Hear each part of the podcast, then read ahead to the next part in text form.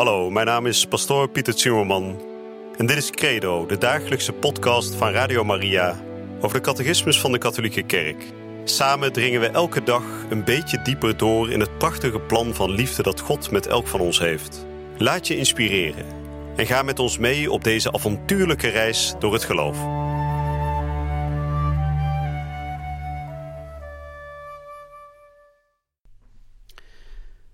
Vrienden, welkom terug bij het dagelijkse catechisprogramma Credo, waarbij we de afgelopen dagen hebben gesproken over de schepping van de mens. Wie is de mens? Waartoe is hij bestemd? En vandaag gaan we daarover doorspreken en dan nog wat specifieker, namelijk over het feit dat God niet zomaar onbepaald de mens schiep, maar dat hij man en vrouw schiep. Wat betekent dat? Nou, we gaan daar vandaag uitgebreid over praten. Een heel belangrijk thema in onze tijd natuurlijk, u voelt het wel aankomen, hè? de genderideologie die flink om zich heen grijpt in onze dagen, waarbij wordt gedaan of de mens nog meer geslachten dan alleen maar het mannelijke of het vrouwelijke geslacht kan hebben. En waarom is dat zo'n belangrijk thema en zo'n veelzeggend thema? Omdat het, um, ja, die, die verwarring die op dit vlak uh, is ontstaan de afgelopen jaren, die is één op één te koppelen aan het gebrek aan geloof in God. Op het moment namelijk dat je, dat je niet meer gelooft in God, en op het moment dat je ook dus niet erkent dat de wereld is geschapen door God, dat er een schepper is die een plan heeft, en op het moment dat je dus ook niet meer erkent dat die schepper de mens heeft gemaakt naar zijn beeld en gelijkenis, en dat hij de mens heeft gemaakt als man en vrouw, hè, dat dat niet zomaar toevallig is, maar dat dat door God zo gewild is, dat God heeft bepaald het moet een man en een vrouw zijn. Als we dat loslaten, als we dat geloof in die schepper loslaten, ja, dan laten we ook het geloof in ehm, de mens als man en vrouw los. dan komt dat allemaal op losse schroeven te staan. Dus wat we nu zien gebeuren in de wereld is een duidelijk gevolg van een geloofscrisis in feite. Er wordt in onze tijd veel gesproken over, ja, maar alle mensen zijn toch gelijk. Dus waarom zouden we dan ook die geslachten niet gelijk trekken? Nou, we gaan daar vandaag specifiek over spreken. Dat alle mensen inderdaad gelijkwaardig zijn, maar ze zijn niet gelijk. Ze zijn niet precies het, hetzelfde. Nou, ik ga vandaag behandelen de nummers 369 tot en met 373. We zullen zoals gebruikelijk weer beginnen met gebed. In de naam van de Vader en de Zoon en de Heilige Geest. Amen. Heer God, in het begin van de schepping plaatste u Adam in de paradijstuin van Ede. En u zag dat Adam alleen was, dat een helper hem ontbrak. Daarom liet, liet u Adam in een diepe slaap vallen. U nam een rib uit zijn lijf weg, en uit die rib vormde u Eva.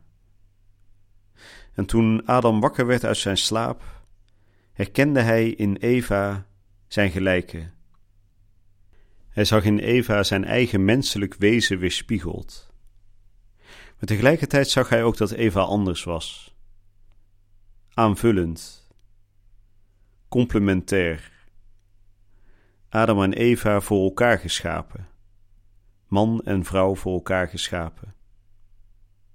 Heer God, maak dat wij als mensheid weer terugkomen bij deze diepe, maar toch ook eenvoudige wijsheid. U hebt de mens gewild als hart van zijn schepping, en u hebt de man aan de vrouw gegeven en de vrouw aan de man gegeven. Amen. En ik lees voor de nummers 369 tot en met 373. Man en vrouw schiep hij hen gelijkheid en verschil door God gewild. Man en vrouw zijn geschapen. Dat wil zeggen, ze zijn gewild door God.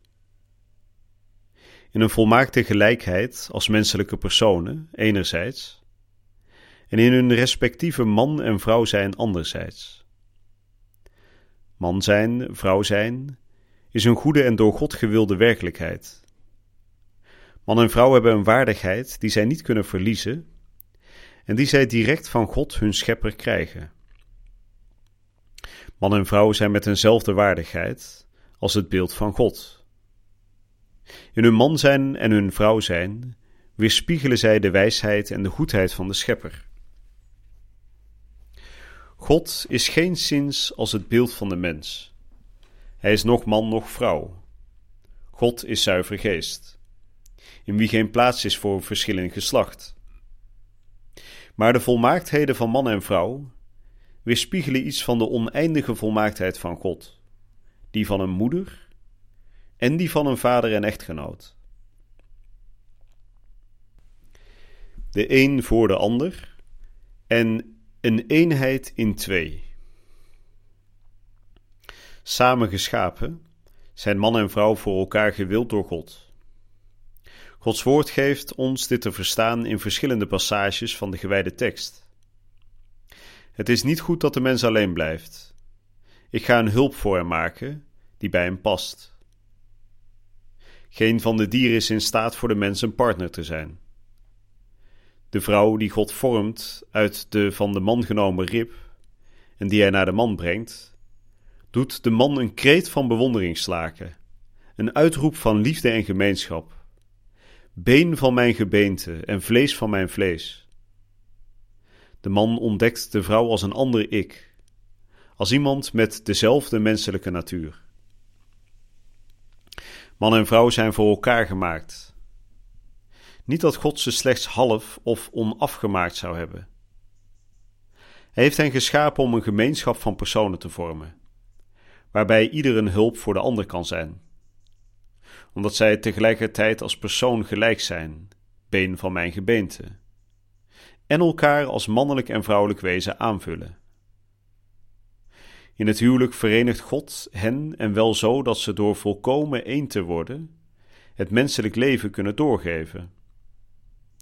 Weest vruchtbaar en word talrijk, bevolk de aarde door aan hun afstammelingen het menselijk leven door te geven, werken man en vrouw als echtgenoten en ouders op een unieke manier mee aan het werk van de Schepper.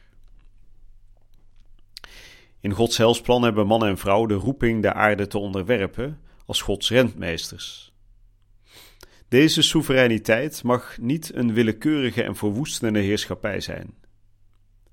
Naar het beeld van de Schepper die alles wat bestaat lief heeft, zijn man en vrouw geroepen deel te nemen aan de goddelijke voorzienigheid ten opzichte van de andere schepselen. Vandaar hun verantwoordelijkheid voor de wereld die God hun heeft toevertrouwd. Nou, dat waren de nummers voor vandaag. Nog even kort samengevat. Man en vrouw zijn geschapen, daar begon de catechismus vandaag over te spreken. En geschapen wil zeggen, ze zijn gewild door God dus die twee geslachten die de ene mens kan hebben, is niet een toeval. Nee, het is een wil. Het is de wil van God dat er een man is en een vrouw is. En in hun man zijn en hun vrouw zijn herkennen de herkent de mens zichzelf in de ander. dus de man, Adam, de eerste man, herkende in Eva het beeld van de mens, zijn eigen wezen, een ander ik, zoals de catechismus het net noemde. Dus ze merken dat ze hetzelfde wezen delen, dat ze allebei mens zijn. En tegelijkertijd merken ze dat ze anders zijn. Dat ze namelijk voor elkaar gemaakt zijn. In een soort aanvulling naar elkaar toe. Met een moeilijk woord complementariteit. Ze vullen elkaar aan. Ze zijn elkaars hulp, zoals de catechismus net zei. Dus enerzijds zijn ze been van mijn gebeente, ze zijn hetzelfde in zekere zin, want ze zijn allebei mens. Maar aan de andere kant zijn ze ook anders.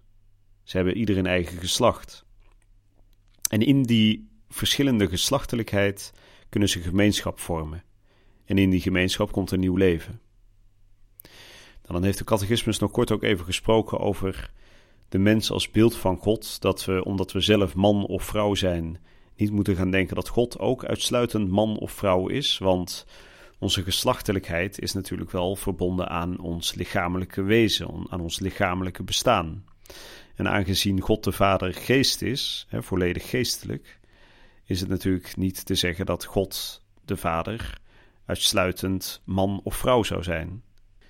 Nee, beide geslachten, zowel man als vrouw, vinden hun oorsprong in God. Dus God als het ware overstijgt dat. Hij is persoon, maar laat zich niet als het ware knechten door een van die twee geslachtelijke kenmerken die we pas krijgen als we een menselijk lichaam krijgen op aarde.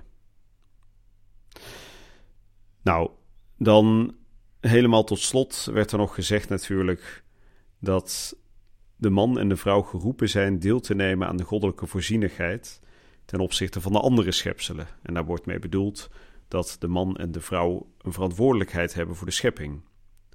God heeft alles geschapen voor de mens en heeft de mens in het hart van zijn schepping geplaatst als rentmeester. Dus de mens die kan niet roekeloos en naar eigen inzicht omgaan met die schepping.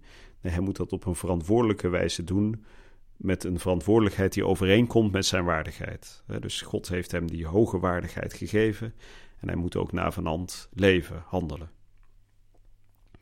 Nou, bij de volgende uitzending gaan we spreken over de mens en dan wel in het paradijs. De toestand waarin de mens zich bevond voor de zondeval. Belangrijk om te weten, ook voor ons, want uiteindelijk is dat de toestand waar God ons weer terug naartoe wil brengen. Die toestand van de mens, van een volmaakt geluk die de mens had voordat Adam en Eva ontrouw werden. We gaan er bij de volgende uitzending uitgebreid over spreken. Voor nu wens ik u een hele goede en gezegende dag toe. Je luisterde naar Credo, de dagelijkse podcast van Radio Maria over de catechismus van de Katholieke Kerk. Credo is iedere werkdag te beluisteren op Radio Maria.